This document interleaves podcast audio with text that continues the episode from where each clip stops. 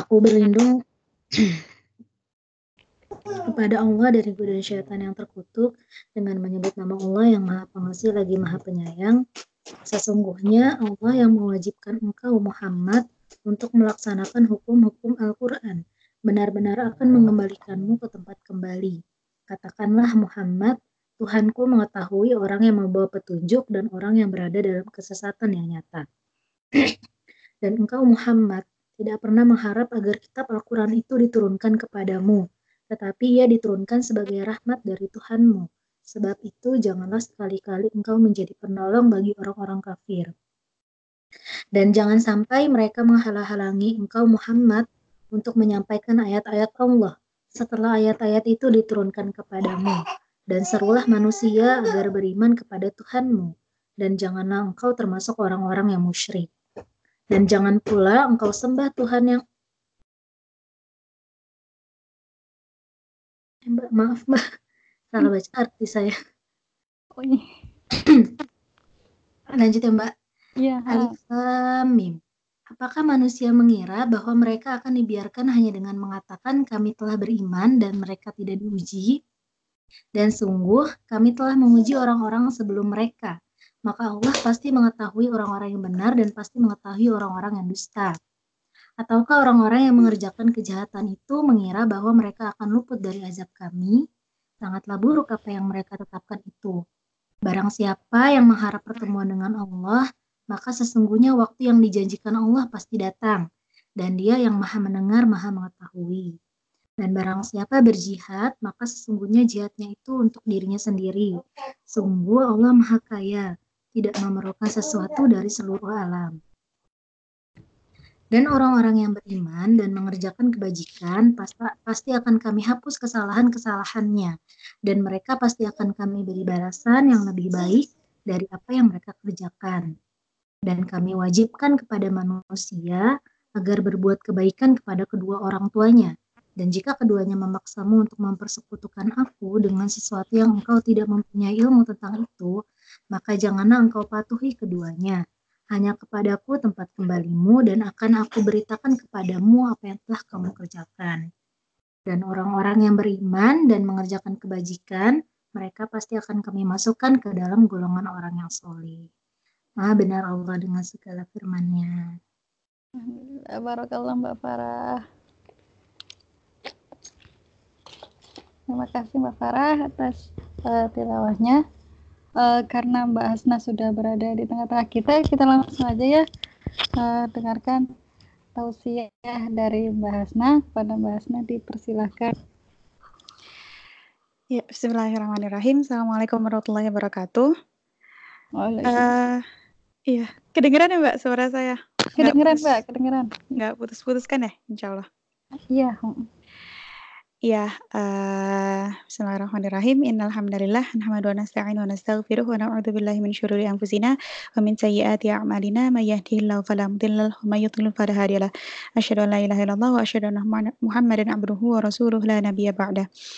Uh, puji syukur kehadirat Allah Subhanahu wa taala yang telah memberikan kita segala kenikmatan sehingga kita dapat berkumpul um, meskipun via online begitu yang insya Allah silaturahim ini tidak putus sampai jannahnya nanti insya Allah ya. Amin. Salam serta salawat semoga selalu tercurah kepada uswah kita Nabi besar Muhammad Shallallahu Alaihi Wasallam. Uh, beserta keluarga, para sahabat dan para pengikutnya hingga akhir zaman nanti. Semoga kita termasuk ke dalam umatnya yang diberikan syafaat olehnya di akhir nanti. Amin. Uh, ya mungkin sebelumnya uh, perkenalan singkat ya karena uh, tak kenal maka tak aruf. Jadi sedikit uh, saya Hasna uh, di tinggal di Busan saat ini menemani suami S2 kuliah. Uh, kemudian uh, insya Allah uh, sedang mengandung usia tujuh bulan jadi doakan kakak bayinya. Uh, diberikan kesehatan dan dijadikan ya anak solihah amin.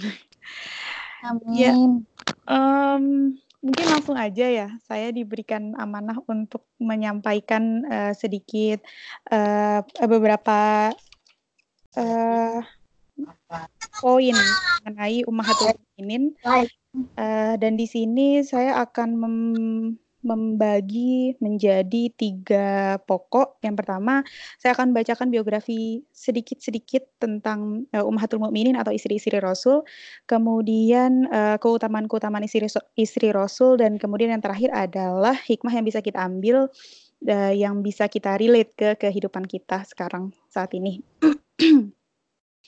A'udzubillahi minasyaitonirrajim. النبي أولى بالمؤمنين من أنفسهم وأزواجه أمهاتهم وأولو الأرحام بعضهم أولى ببعض. في كتاب الله من المؤمنين والمهاجرين إلا والمهاجرين إلا أن تفعلوا إلى أوليائكم معروفا. كان ذلك في الكتاب مسطورا.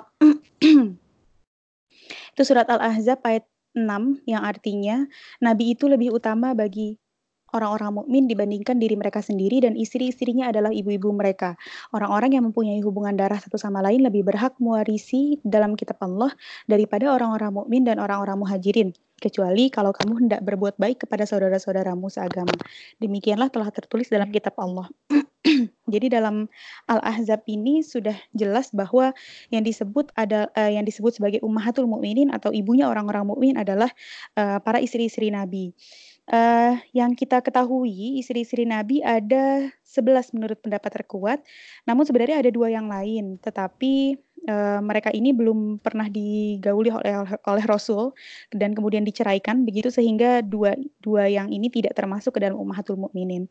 Nah, kita akan mengenal satu persatu dari uh, 11 uh, ummahatul mukminin dan 11 uh, 11 istri-istri Nabi ini terbagi da, um, dari tiga suku. Yang pertama ada dari Quraisy, kemudian dari keturunan Arab, yang terakhir adalah uh, dari Bani Israel.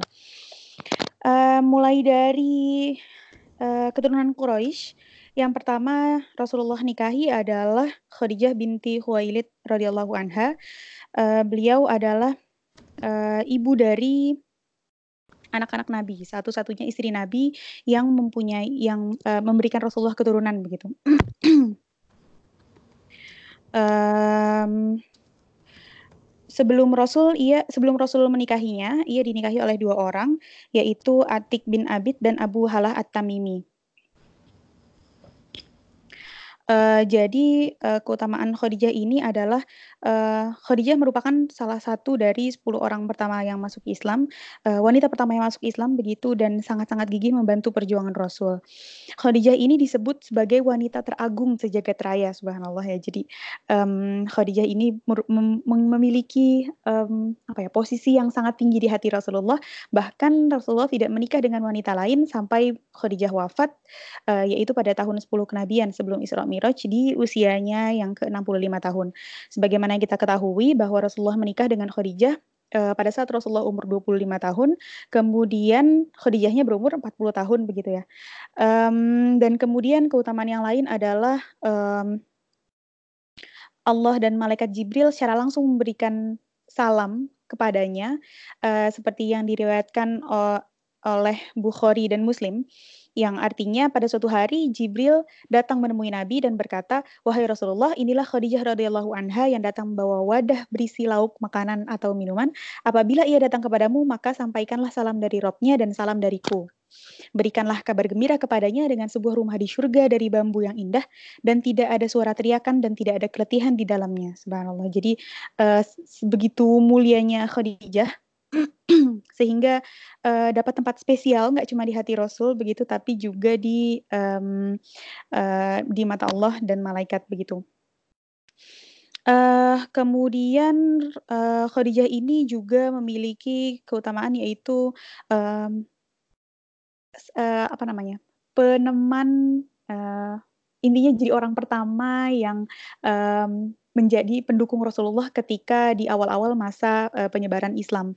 Uh, bahkan um, Rasulullah itu sering menyebut nyebut kebaikan uh, Khadijah meskipun sudah wafat uh, di depan Aisyah sampai Aisyah itu sangat cemburu.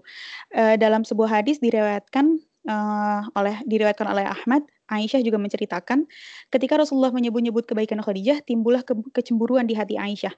Aisyah menceritakan, apabila Nabi Shallallahu Alaihi Wasallam mengingat Khadijah, beliau, beliau selalu memujinya dengan pujian yang bagus. Maka pada suatu hari, saya merasa cemburu hingga saya berkata kepada beliau, alangkah sering engkau mengingat wanita yang ujung bibirnya telah memerah, padahal Allah telah menggantikan untuk engkau yang lebih baik darinya, maksudnya Aisyah. Serta merta Rasulullah bersabda, Allah Azza wa Jalla tidak pernah mengganti untukku yang lebih baik darinya. Ia adalah wanita yang beriman kepadaku di saat manusia kafir kepadaku, dan ia membenarkanku di saat manusia mendustakan diriku, dan ia juga menopangku dengan hartanya di saat manusia menutup diri mereka dariku. Dan Allah Azza wa Jalla telah mengaruniakan anak kepadaku dengannya ketika Allah tidak mengaruniakan anak kepadaku dari istri-istri yang lain. Ya, begitu luar biasa ya uh, apa namanya posisi Khadijah di hati Rasulullah begitu ya. Sampai-sampai uh, tidak menikah dengan wanita lain uh, sampai Khadijah meninggal. Maka uh, kemudian juga setelah uh, wafatnya Khadijah uh, dan wafatnya keluarga Rasulullah yang lain sampai-sampai disebut Amul Huzni begitu ya tahun kesedihannya Rasulullah begitu. Sampai ada sirohnya seperti itu gitu karena memang sangat-sangat sedih ketika Rasulullah ditinggal oleh uh, Sayyidina Khadijah radhiyallahu anha. Kemudian itu tadi sedikit tentang Khadijah, kemudian yang kedua tentang Saudah binti Zam'ah radhiyallahu anha. Uh, Saudah ini uh, dinikahi oleh Rasulullah setelah beberapa waktu uh, Khadijah wafat dengan mahar 400 dirham. Uh, uh, Saudah ini merupakan satu-satunya istri Nabi selama tiga tahun sebelum Rasulullah menikahi uh, akhirnya menikahi Aisyah. Uh, dan Saudah ini uh, keutamaannya Saudah itu salah satu bukti cintanya Saudah kepada Rasulullah adalah ia memberikan jatah giliran bermalamnya kepada Aisyah. Hmm, sebagaimana yang diriwayatkan dari Aisyah bahwa Saudah binti Zam'ah memberikan hak gilirnya kepada Aisyah sehingga Nabi bergilir pada Aisyah dua kali yaitu hari Aisyah dan hari Saudah gitu. Um, kemudian yang ketiga adalah Aisyah binti Abu Bakar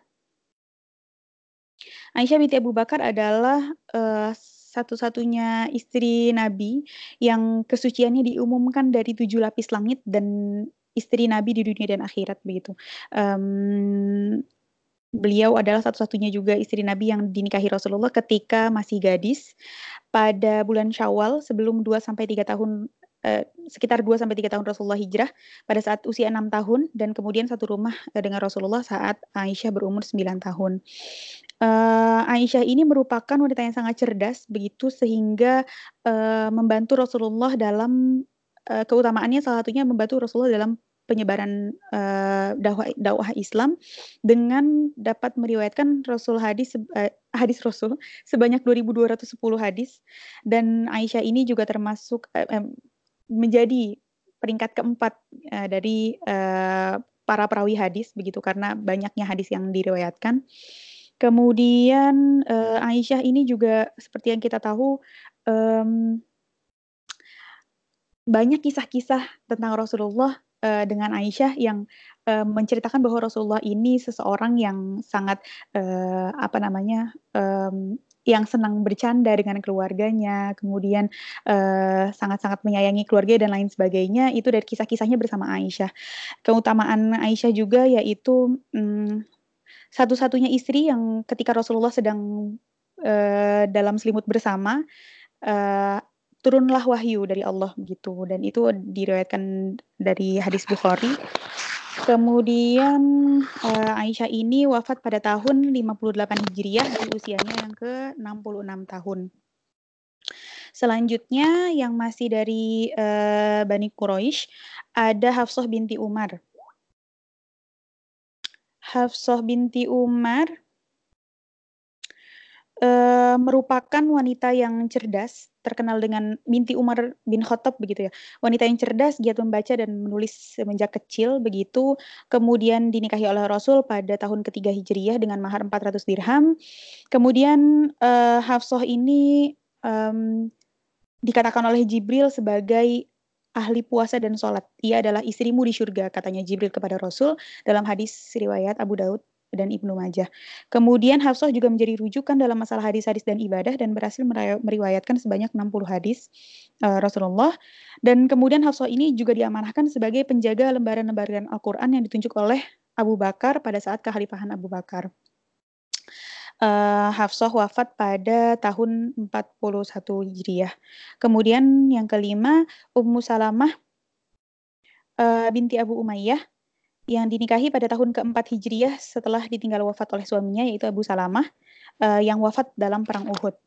Jadi Ummu Salamah ini terkenal dengan kesabaran dan ketabahannya, begitu kemudian terkenal juga dengan parasnya yang cantik jelita, pikiran yang kuat, pandangan yang cerdas. Yang sampai-sampai setelah wafatnya Abu Salamah dipinang oleh Abu Bakar, ditolak, kemudian dipinang oleh Umar, ditolak lagi. Namun mm, ketika Rasulullah meminang uh, tidak ditolak gitu ya. Kemudian um, dapat meriwayatkan 378 hadis uh, dan wafat pada tahun 61 Hijriah. Kemudian yang keenam adalah Ummu Habibah atau Ramlah binti Abu Sofyan. Uh, dinikahi oleh Rasul da dengan keadaan berjarak begitu karena Ummu Habibah itu posisinya ada di ha uh, Habasyah. Dan kemudian dengan uh, mahar yang diberikan oleh Raja Najasyi uh, melalui Raja Najasyi maksudnya dengan uh, mahar sebesar 400 dinar.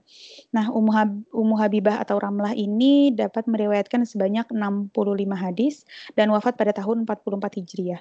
Kemudian istri Nabi yang lain yang berasal dari kalangan yang lain yaitu kalangan Arab. Yang pertama ada Zainab binti Khuzaimah atau istri yang ketujuh ya berarti. Zainab binti Khuzaimah. Zainab ini dinikahi Rasul setelah suaminya yaitu Abdullah bin Jahsy uh, wafat pada perang Uhud diberi gelar dengan umum masakin karena banyak memberi makan orang-orang miskin. Jadi sangat-sangat terkenal bahkan sampai-sampai eh, dikenal orang-orang miskin itu berlindung di balik eh, punggungnya begitu ya karena terkenal dengan umum masakin itu. Kemudian wafat pada uh, tahun 4 Hijriyah selang dua, dua bulan pernikahannya bersama Rasul. Jadi memang pen, usia pernikahannya dengan Rasul itu tidak lama, hanya dua bulan saja. Kemudian uh, Allah uh, panggil terlebih dahulu. Kemudian yang selanjutnya adalah Zainab binti Jahsy.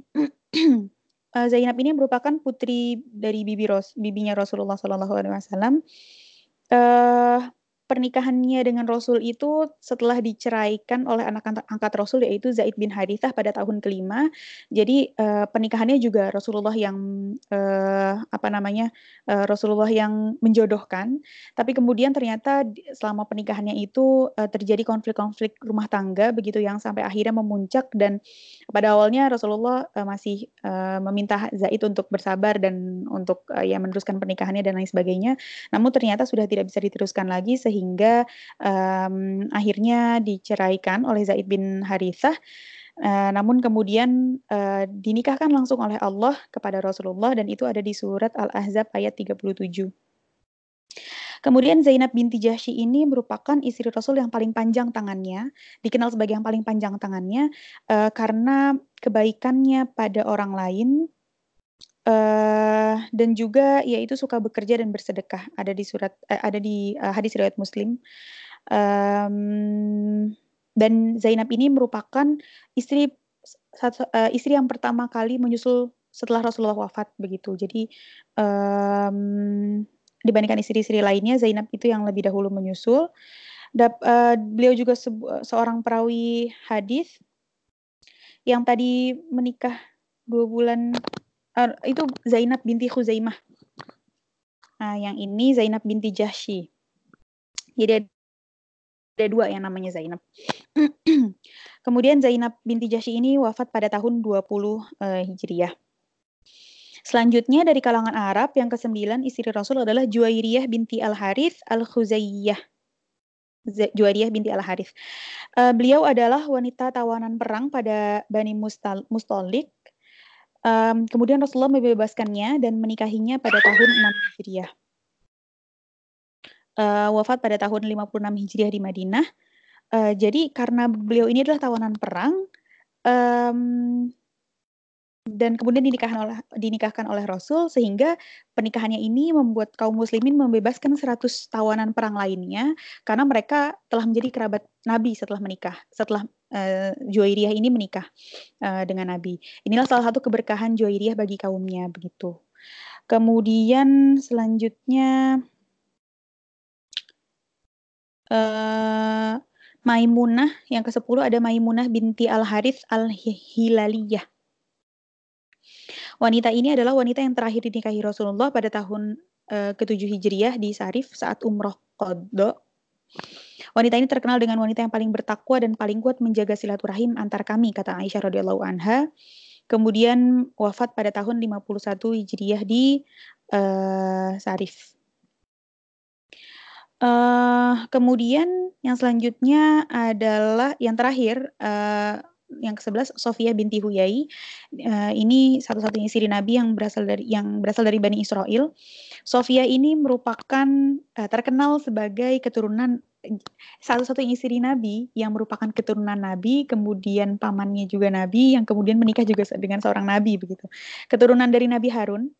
Uh, pemimpin terbesar kaum Yahudi saat itu ayahnya ayahnya si Sofia ini kan Sofia binti Huyai Huyai ini merupakan eh, pimpinan terbesar kaum Yahudi saat itu dan kemudian setelah berperang uh, Sofia menjadi salah satu tawanan perang dan Rasulullah membebaskannya dan pembebasan status tawanan perang ini dijadikan maharnya oleh Rasul. Dalam hadis riwayat Muslim dikatakan seperti itu.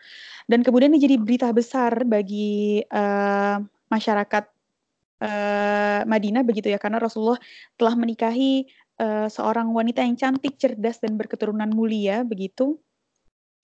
Kemudian uh, dinikahi Rasul setelah perang Khaybar pada tahun ke-6 Hijriyah dan telah membantu meriwayatkan hadis juga wafat pada tahun 50 Hijriyah uh, Sofia ini karena keturunan mulia begitu ya, keturun nasabnya baik sehingga harta peninggalannya itu sangat-sangat banyak, kurang lebih 100 ribu dirham atau kalau saat ini mungkin sekitar 3 miliar rupiah.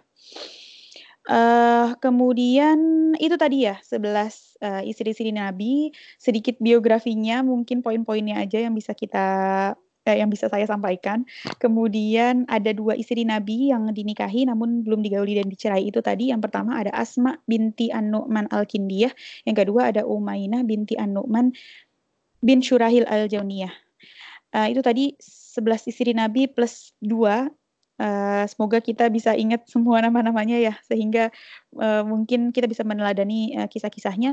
Sebenarnya banyak juga buku-buku tentang uh, istri-istri Nabi begitu yang mungkin lebih lengkap. Kalau buku yang saya punya ada karangan Mahmud Al-Misri, sangat-sangat lengkap ya, termasuk sahabiah-sahabiah yang lain.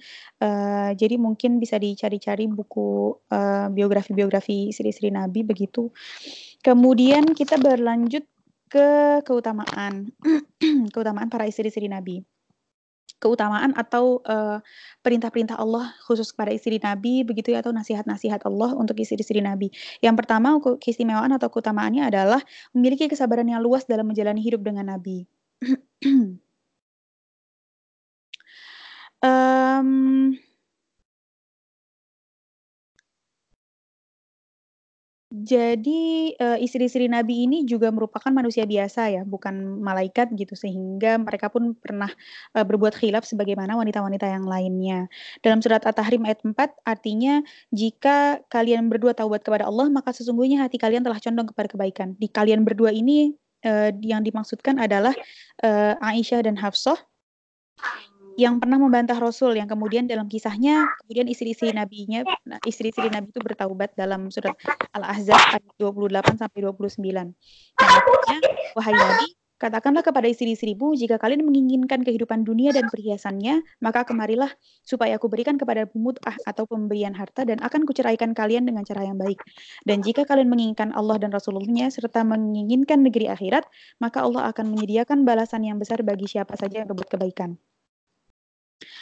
Uh, Ibnu Katsir rahimahullah berkata, ini adalah perintah dari Allah kepada Rasulnya untuk memberikan pilihan kepada istri-istrinya untuk diceraikan sehingga bisa menikah dengan lelaki lain yang bisa memberikan gemerlap dunia dan perhiasannya kepada mereka atau bersabar bersama Nabi Shallallahu alaihi wasallam dengan kesempitan hidup tetapi mereka akan dibalas dengan pahala yang berlimpah.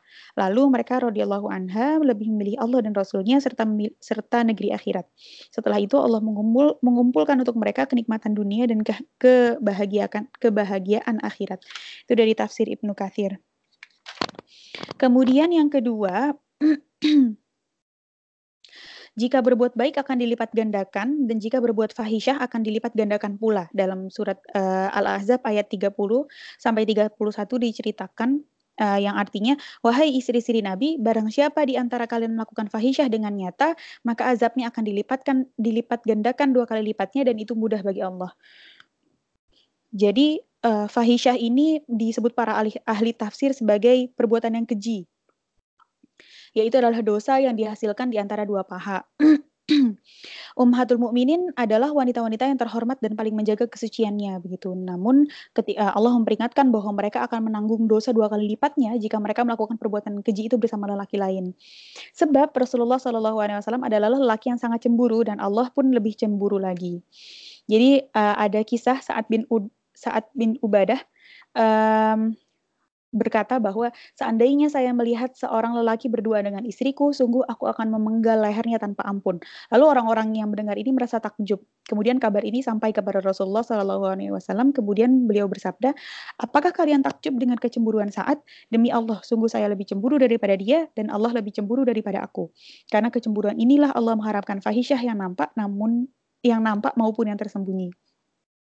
Dalam hadis riwayat Bukhari dan Muslim, uh, direwayatkan begitu ya. Uh, jadi uh, tadi ya tidak hanya perbuatan kebaikan tapi juga uh, perbuatan uh, terbu perbuatan buruk pun Allah lipat gandakan pula dosanya. Kemudian yang ketiga dari dari keutamaan istri-istri Nabi atau ummahatul mukminin, Allah menasihati untuk tidak lemah gemulai saat berbicara kecuali pada Rasul. Ini dalam surat Al-Ahzab ayat 32. Uh, yang artinya, "Wahai istri-istri Nabi, kalian tidaklah sama dengan wanita-wanita lainnya, maka jika kalian bertakwa, janganlah gem lemah gemulai dalam berbicara, karena akan menjadikan sangat bernafsu orang yang di dalam hatinya ada penyakit. Dan ucapkanlah ucapan yang baik."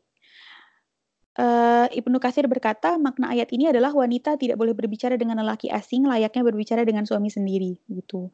Uh, dalam tafsir At-Tabari, Ikrimah berkata tentang ayat, karena akan menjadikan sangat bernafsu orang yang di dalam hatinya ada penyakit, yaitu syahwat zina, begitu.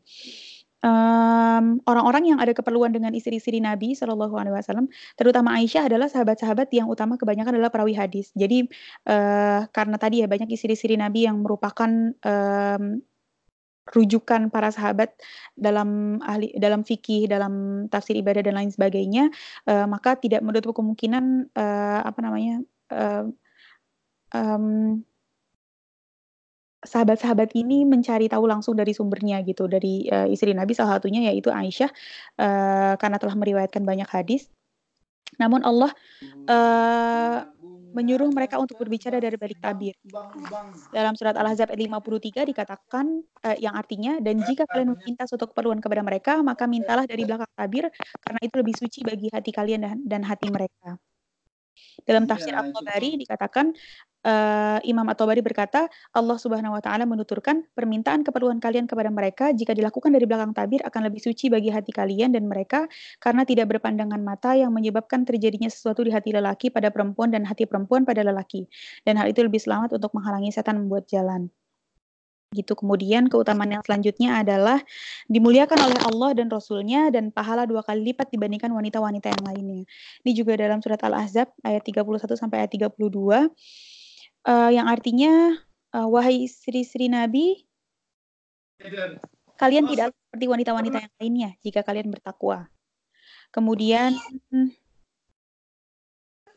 Uh, dan barang siapa di antara kalian, wahai istri-istri Nabi, tetap taat kepada Allah dan Rasulnya, dan mengerjakan amalan solih, niscaya kami akan memberikan kepadanya pahala dua kali lipat, dan kami menyediakan baginya rizki yang mulia. Kemudian keutamaan berikutnya adalah tidak boleh dinikahi sepeninggal Rasulullah SAW dalam surat Al-Ahzab ayat 33 dan kalian tidak boleh dan tidak boleh kalian menyakiti hati Rasulullah dan tidak boleh pula menikahi istri-istrinya selama-lamanya sesudah ia wafat. Sesungguhnya perbuatan tersebut sangat besar dosanya di sisi Allah uh, Imam Al-Qurtubi berkata, Allah memuliakan istri-istri Nabi dengan menjadikan mereka sebagai ummahatul mukminin atau ibundanya orang-orang beriman, yaitu atas wajibnya memuliakan, berbuat baik dan mengagungkan mereka serta kaum laki-laki diharamkan untuk menikahi mereka. itu tadi uh, keutamaan-keutamaan yang mungkin dapat disingkat begitu mungkin sangat banyak keutamaan-keutamaan istri Nabi yang lain begitu namun ada salah lima uh, yang uh, dapat uh, saya uh, persingkat begitu. Kemudian hikmah yang bisa kita ambil, kita mungkin bukan istri Nabi begitu ya, tapi banyak sekali um, yang bisa kita teruskan uh, begitu mulai dari akhlaknya, ibadahnya dan lain-lain. Yang pertama seorang muslimah haruslah menghormati dan memuliakan istri-istri Nabi. Uh, jadi tidak hanya Nabi yang uh, apa namanya yang harus kita muliakan, yang harus kita cintai dan kita tahu sejarahnya, namun juga istri-istri Nabi harus kita apa namanya ya, pelajari juga begitu, itu termasuk salah satu, uh, tanda bahwa kita memuliakan siri-siri Nabi begitu ya. Kemudian seorang muslimah yang nomor dua, seorang muslimah juga hendaknya berupaya untuk membesarkan anaknya dengan kasih sayang dan menjadikan rumahnya jauh dari teriakan dan kegaduhan. Jadi, um, apa namanya, bahwa uh, kita sebagai istri, sebagai ibu dari anak-anak kita, uh, harus memberikan kasih sayang begitu ya dan menjauh menjauhkan rumah kita dari uh, teriakan dan kegaduhan. Karena mungkin uh, apa namanya anak-anak yang susah diatur dan lain sebagainya begitu ya. Kemudian berantem dengan suami dan lain-lain ini uh, adalah sesuatu yang mungkin sebaiknya kita hindari dan kita sebagai satu di rumah kita masing-masing itu yang bisa uh, Kemudian nomor tiga, seorang muslimah hendaknya senantiasa berupaya untuk mendapatkan keridhaan dari suaminya dan tidak menyakiti perasaan suami. Um, bahwa keridhaan suami itu nomor satu setelah kita menikah begitu ya sudah sudah bukan lagi uh, menjadi orang tua yang nomor satu tapi uh, suami yang nomor satu sehingga keridhaan suami itu adalah yang utama dan tidak menyakiti perasaan suami begitu bahkan ketika kalau uh, guru ngaji saya pernah uh, bilang kalaupun kita yang marah sama suami kalau bisa kita yang minta maaf gitu sampai sampai seperti itu gitu karena uh, kita harus menjaga perasaan suami kita. Kemudian uh, yang selanjutnya adalah seorang muslimah hendaknya ikut andil dalam penyebaran dakwah Islam. Uh, bahkan sekecil apa pun itu gitu ya. Bahkan mungkin kalau zaman sekarangnya sosial media uh, dengan caption-caption yang berisi nilai dakwah meskipun kecil, meskipun tersirat begitu, meskipun hanya uh, apa namanya, hanya satu ayat Al-Qur'an begitu ya dalam dalam bahasa yang lebih sederhana, bahasa kita masing-masing itu juga, uh, Allah dihitung dakwah begitu. Jadi tidak, um, tidak me apa ya, tidak kemudian memberatkan, uh, kita bahwa dakwah itu harus selalu mengisi kajian atau, dakwah itu harus apa namanya, harus punya ilmu yang tinggi dan lain sebagainya itu enggak gitu tapi uh, bahkan dalam uh, bermedsos pun kita bisa uh, membantu penyebaran dakwah Islam. Kemudian yang terakhir adalah seorang muslimah hendaknya gemar bersedekah terutama pada kerabatnya yang miskin. Um, ini juga yang menjadikan kita uh, berat timbangan amalnya begitu ya uh, agar bisa membantu kita juga nanti di yaumil akhir ketika perhitungan amal karena bersedekah itu juga uh, sangat uh, banyak uh, manfaat yang bisa kita dapatkan di dunia maupun di akhirat. Um, mungkin itu yang bisa saya sampaikan. Uh, mohon maaf kalau terlalu cepat, kayaknya emang ngomongnya kayak gini ya. Jadi uh, semoga bisa diterima dengan baik. Uh, selanjutnya ada sesi tanya jawab mbak atau gimana? Iya ada mbak. Ya, makasih ya Mbak. Jazakillah ya, khairan Mbak Asna. Mbak Iyaki. Saya buka sesi tanya jawab. Monggo Mbak yang mau bertanya langsung saja bisa ditulis atau langsung aja untuk bertanya. Uh, Mbak mungkin disclaimer ya, ini kayaknya lebih enak sesi diskusi kali ya. Maksudnya, oh, iya, iya. tahu ada Mbak-Mbak juga yang mau menyampaikan pendapatnya gitu, monggo. Oke siap ya dibuka sesi. Iya oke. Okay. Ya, kita sharing lah uh, barangkali ada mbak yeah. juga yang tahu nih soal umahatul mukminin boleh bagi-bagi ilmu. Ada yang minta mbak boleh fotoin tadi bukunya? Oke, okay, bentar dulu.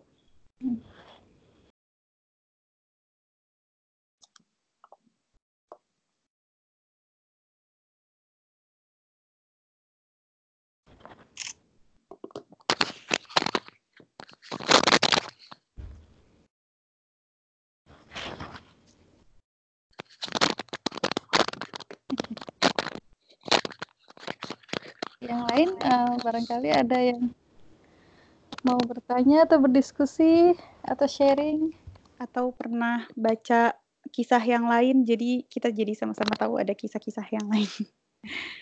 Iya, bisa bisa Mbak. Mbak saya mau tanya sih Mbak, saya dulu nih. Oh, iya monggo Mbak. Itu Mbak yang dua istri Nabi yang diceraikan sebelum digauli itu gimana ya Mbak cerita apa sih? Ya mungkin detailnya kenapa dicerit eh kenapa diceraikan gitu. Pernah dengar sih tapi cuma sekilas-sekilas aja belum tahu gitu detailnya. Uh, sama sih sebenarnya. Cuma di sini dari sumber yang aku baca sebenarnya penjelasannya juga kurang lengkap ya, tapi ya udah aku bacain aja ya. Um, Rasulullah eh, untuk Asma binti An-Nu'man Al-Kindiyah, Rasulullah Shallallahu alaihi wasallam menikahinya lalu menceraikannya. Para ulama berbeda pendapat tentang sebab perceraiannya. Ibnu Ishaq menyata, mengatakan bahwa karena Rasulullah mendapati warna putih pada bagian tubuhnya antara perut dengan tulang rusuknya. Jadi seperti itu alasannya. Oh, alam juga sih ya. Ini um, uh, ada di mana nih ya sumbernya? Jalaul Afham fi Salati Wassalami ala Khairil An'am halaman 172. Jadi walau alam ya. Ini dari buku yang insya Allah uh, apa namanya sejarahnya Sohi. Kemudian yang kedua ada Umayyah binti Abu Nu'man. Ketika ketika Rasulullah menikahinya maka ia mengatakan kepada Rasulullah, "Aku berlindung kepada Allah darimu." Jadi lalu kemudian Rasulullah menceraikannya. Jadi mungkin itu tadi ya. Yang kedua lebih jelas alasannya berlindung kepada Allah darimu itu mungkin suatu hal yang kurang apa ya? Mungkin kurang pas harusnya kan uh, apa namanya? Uh, kita nggak kayak gitu ya berlindung pada Allah karena menikah dengan Rasulullah kan ya udah harusnya kan masing-masing ya. Kalau soal amalan dan lain sebagainya atau misalnya dia melakukan suatu maksiat um, ya itu jadi dosa masing-masing juga begitu bukan? Terus jadi akhirnya berlindung kepada Rasulullah. Hmm. gitu Iya yang saya pernah dengar tuh yang asma itu pertama katanya ada luka di tubuhnya tapi kok sebelumnya tidak diberitahu gitu sih. Ya ada tidak kejujur eh, ada ketidakjujuran. Iya iya benar itu itu bukunya udah uh, saya share ya. Ada seri pertama dan kedua. Hmm. iya mbak. Kasih ya mbak. Iya. Sama-sama ada yang ingin bertanya? Mbak mbak.